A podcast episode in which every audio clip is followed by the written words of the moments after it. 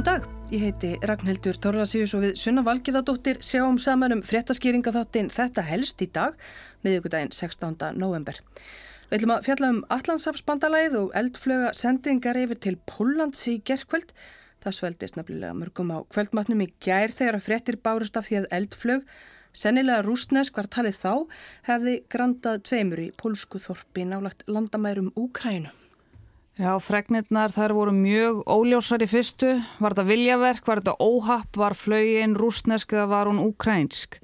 Þetta skipti mjög miklu máli einfallega af því að ef rússar hefðu sendt flögina yfir landamærin til Pólans viljandi, þá vofir yfir okkur stríð á melli Rúslands og NATO, Allandsafs bandalagsins. Það er vegna 50 greinar stopn sáttmála bandalagsins sem hveður á um að árás á eitt ríki sé raun árás á þau öll.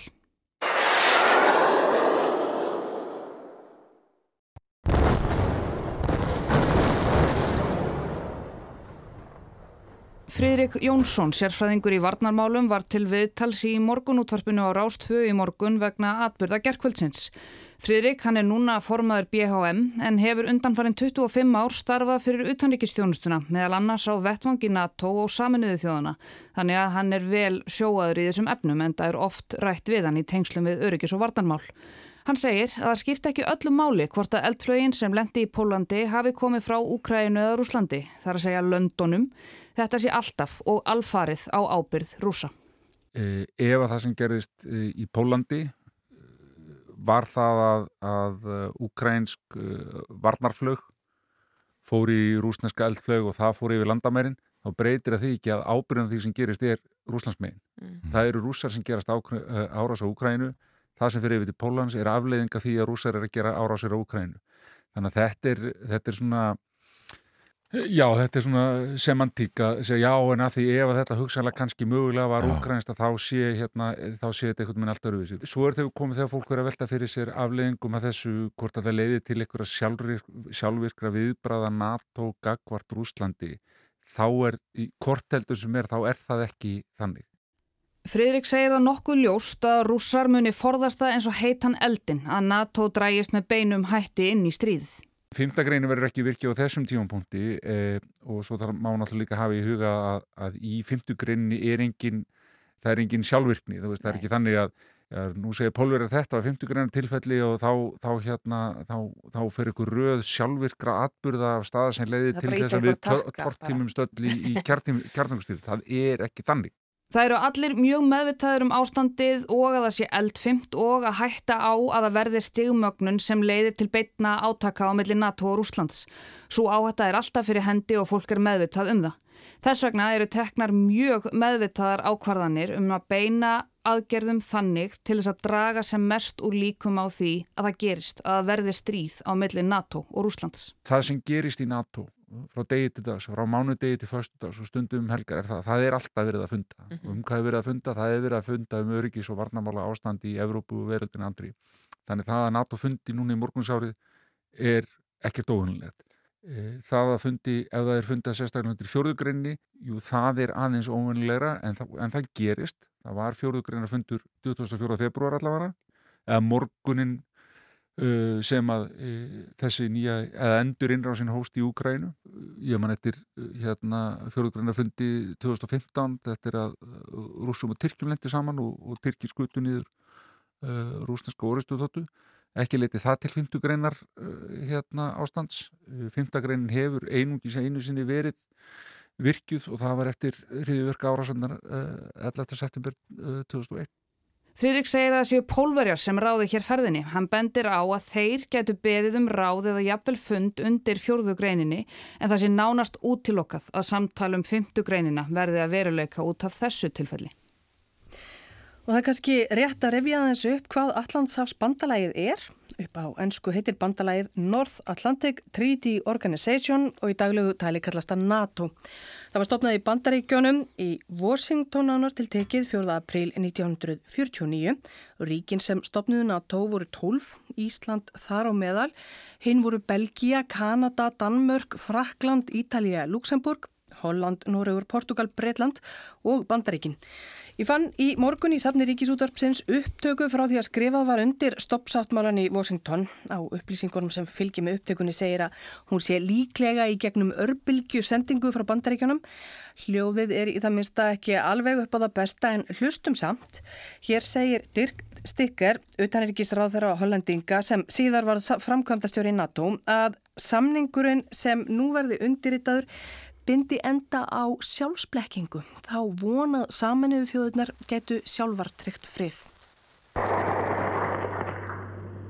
Excellencies, ladies and gentlemen, the treaty we are about to sign marks the end of an illusion, the hope that the United Nations would by itself ensure international peace. Því miður hefðu þeir, sagði Stikker og þá væntanlega við þá ráðamenn þessara tólf ríkja, komist að þeirri niðurstöðu að saminuðu þjóðunar digðu ekki til þess að halda frið í heiminum, heiminum eins og hann væri, digðu ekki til að vernda mikilvæg grundvallar sjónamið þeirra vestræðinu ríkja sem kæmu að stopnun Allandshafsbandalagsins. Í stoppsáttmálanum skuld, skuldbytta NATO-ríkin sig til að standa verðum frelsi, sameinlega arleið og borgarleg gildi þjóða sinna sem byggður á lögmálum líðræðis, einstaklingsfrelsis og réttaríkisins. Og réttar nefna þessi þýðing á skuldbindinguríkjana er tekinn byndt upp úr umfjöldun vísindavefsins um stopnum NATO. En Allandsafsbandalægið var nefnilega stopnað vegna þess hver Sovjetríkin færðu sig upp á skaftið. Rúmenía, Póland, Búlgaria, Austur Þískaland, Albanía og Júgoslavia og fleiri ríki voru undir hælnum og Sovjetríkjum. Sovjetríkjónum sannkölluð lepp ríki þeirra. En aftur til Washington. Bandaríkin voru og eru lang áhrifamesta ríki Allandshafs bandalagsins. Þau greiða mest til NATO eins og Donald Trump fyrverandi bandaríkja fórsetið þreytist ekki á að benda á í sinni valdatíð réttilega. En heyrum hvað forveri hans, Harry Truman bandaríkja fórseti, sagði við undirritun sáttmálans í Washington í april 1949. This treaty is a simple document. The nations which sign it agree to abide by the peaceful principles of the United Nations. To maintain friendly relations and economic cooperation with one another. Þessi samningur er einfalt skjál, saði Trúmann, þjóðurnar sem skrifa undir samþykja að fylgja friðsamlegum grundvallaratriðum saminuð þjóðana, að eiga í friðsamlegum samskiptum og efnagslegu samstarfi hver við aðra, að raðgast hver við aðra þegar að landsvæði eða sjálfstæði einhverja þeirra er ógnað og að aðstóða bandalagsríki verði ráðist á það. It is a simple document Þetta er einfalt skjál, endur tók Trúmann og ávið stoppsáttmála NATO en bætti við að hann triði því að ef skjalið hefði verið til árið 1914 eða 1939 hefði það geta komið í veg fyrir þau ofbeldisverk sem leittu til tveggja heimstrialda. Og nú skulum við færa okkur yfir hafið og hinga heim til Keflavíkur og skoða aðeins aftur í tíman. Keflavíkur stöðin eða bara Keflavíkur flugvöllur, völlurinn eða Naval Air Station Keflavík, það fer eftir því hver talar. Þetta var herstuð bandaríkja hers og NATO á miðnesheiði við Keflavíkur flugvöll. Herstöðun var reist 1951 af bandaríkja herr, rekin af bandaríkja flota sem flug bæki stöð frá 1961. Þegar mest var töldu herrmenn, starfslið hersins og hinna ímsustofnana á stöðunni og fjölskyldur þeirra um 5.700 manns. Þetta er mikil fjöldi á þessum litla stað. Að auki dvöldust þar oft hópar hermanna tímabundi til æfinga eða vegna flutninga. Á herstöðinni voru auk íbúðarhúsa og hernaðar mannverkja, verslanir, skólar, sjúkrahús, kvikmyndahús, íþrótahús, skemmtistaðir og allt það sem þurfti til þess að þjónusta í búana. Herstöðin var tekin í nótkunn eftir að Íslandingar og bandaríkjumenn gerðu tvíliða varnarsamning 1951 en eftir lok kaldastriðsins fækkaði herrmönnunum á stöðinni jamt og þjætt þar til að bandaríkjumenn yfirgáfu formlega stöðina í lok september 2006 en þá hafði hún verið rekin í 55 ár. Í dag heitir svæðið Ásbrú og þar starfar Keilir miðstöð vísinda, fræða og atvinnulífs. En það voru ekki allir jafn sáttir með þessa uppbyggingu við Keflavík þarna í gamla daga. Það var mikil andstaða, bæði við herstöðina og starfseminna þar, samtök hernáms andstaðinga og síðar samtök herstöðvar andstaðinga og fleiri friðarhefingar stóðu fyrir tíðum mótmæla aðgerðum gegn veru bandariska hersins á Íslandi. Kunnustu aðgerðirnar voru hérna svo kalluðu Keflavíkurgöngur sem voru mótmæla aðgerðir sem samtökinn stóðu fyrir í bartusinni gegn veru bandariska setuliðsins á Íslandi á tímabilinu 1951 til 2006 og þetta voru með fjölmennustu mótmæla aðgerðum 20. aldarinnar á Íslandi. Á miðnes heiði bandarískur basi er óinn að veri í rúm 20 Og þetta var alveg smá mál að taka þátt í þessu. Þáttakendur heldur snemmaða morgni að hliðum herstöðarinnar á miðnesheiði þar sem haldi var stuttur upphafs mótmælafundur en síðan var arkað með fána og spjöld til Reykjavíkur hátt í 50 km í alls konar veðrum.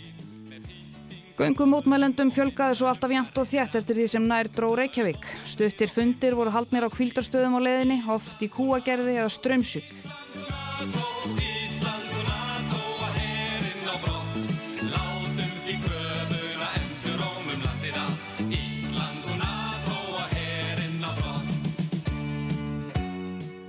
Þessi félagarsamtök þau stóðu fyrir samanlagt 11 keflavíkurgöngum, svo fyrsta var gengin 19. júni 1960 og svo 11. og síðasta rúmum 30 árum síðar, 10. ágúst 1991. En eftir lok kaldastriðisins var ljósta hernaðarlegt mikilvægi stöðvarinnar var snögtum minna en áður og fljótlega eftir 1990 hófust umræður um á stöðinni yrði lokað eða dreyið verulega úr starfsemi hennar. Í miðju Íraksstríðinu, þar sem mjög reyndi á styrk bandaríkja hers, var síðan tekin ákvörðun um að loka herstöðinu endanlega 30. september 2006. Þá var íslenskum stjórnmöldum afhend stöðin formlega og herin fór burt.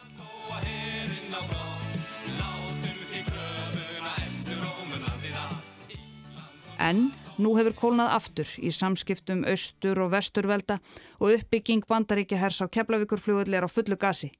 Tugum miljónum bandaríkjadala er varið til framkvæmda á miðneseiði þessi misserinn. Aftur að NATO. Það hefur fjölgað í Allandshafsbandalæginu í nokkrum lótum á undanförnum 7 áratugum.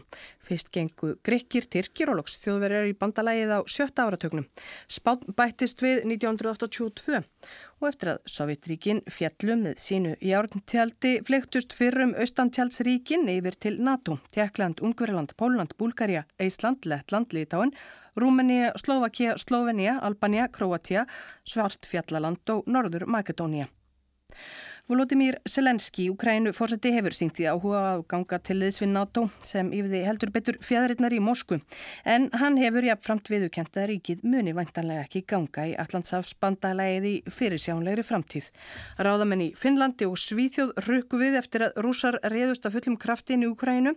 Ríkin sóttu snarlega um aðild og hafa þegar staðfest sáttmála NATO en ekki er búið að samþykja aðild þeirra endanlega. Já, og það er stopn sáttmáli Allandsafs bandalagsins sem þetta allt saman byggir á. Hann var samþyktur og undirrittaður vorið 1949 og svo hljóða ingangsorðin. Aðilar samnings þessa lýsa yfir að nýju treyð sinni við markmið og megin reglur sáttmála saminuðu þjóðuna og ósk sinni um að lifa í friði við allar þjóðir og allar ríkistjórnir. Þeir eru staðránir í því að varðveita frelsi, þjóðasinni, sameinlega arfleð þeirra á menningu er kvíla á megin reglum líðræðis, einstaklingsfrelsi og lögum og rétti. Þeir leytast við að ebla jafnvægi og velmegun á norður Allandsafssvæðinu. Þeir hafa ákveðið að taka höndum saman um sameinlegar varnir og varðveislu friðar og öryggis. Þeir hafa því orðið ásáttir um norður Allandsafs samning þennan en það er fymta greinin sem er í raun kjarni NATO og eftir atbyrði gert kvöldsins hefur mikið verið rætt um bæði fjórðugreinina og svo þá fymtu. Fjórðagrein sáttmálans segir til um að öll aðildaríkin megi kalla til fundar vegna yfirvofandi öryggisóknar. Það er þá bara fundur þar sem ríkin ræða saman um næstu skref. Fjórðagreinin hefur verið virkið sjö sinnum síðan samningurinn tók gildi nú síðast 24. februar þegar Bulgaria, Tjekkland, Eistland, Lettland, Litáen, Póland og Slovakia fóru fram á samráðsfund vegna innrásar rúsa inn í Ukrænu. En það er fymta greinin, það er kjarni Allandsafs bandalagsins þar sem því er líst yfir að árás á eitt bandalagsríki í Evrópu eða Norður Ameríku jafngildi árás á þau öll. Svo grein var hugsuð til þess að gera Sovjetríkjónum það ljóst að innrásin í vestur Evrópu jafngildi stríðs yfirlýsingu við Bandaríkin og allan hernaðarmátt þeirra. Það hefur bara gerst einu sinni, 11. september 2001 vegna hriðiverka árásana í Bandaríkjónum eins og Fridrik kom inn á hér áðan þar sem 5. greinin var virkið. Fridrik bendir sumulegis á að vangaveltur um hvort NATO sé í dag að halda formlega fund undir fjórðugrein samningsins sé í raun bara aukaðatriði. Hvort að flögin sem banaði tveimur í Pólandi í gerðkvöldi hafi verið rústnesk oristuflög eða úkrænsk varnarflög eða eitthvað annað, þá líklega eftir að koma í ljós í dag eða allra næstu daga. Við getum nokkur með gengið út frá þessum vísu að það var ekki ætlan rúsa að gera beina árás á Póland. Það skiptir máli varandi þetta framald en enn og aftur undistrykka það, það sem var að gerast er á ábyrður rúsa sagði Fridrik Jónsson, varnarmála sérfræðingur. Og við ætlum að leifa honum að eiga loka orðin í þetta helst í dag sem fjallaðum Allandsafs bandalægið. Úkrænu, Rúsland, Greinar 4 og 5 og fleira. Ragnhildur Torlasíus og Sunna Valgeradóttir hvaðja. Þakk ykkur fyrir að leggja við hlustir og við heyrimst aftur á morgun. Þessi þáttur af þetta helst og allir aðrir þættir eru aðgengilegir í spilararúf og öllum hlaðvarpsveitum.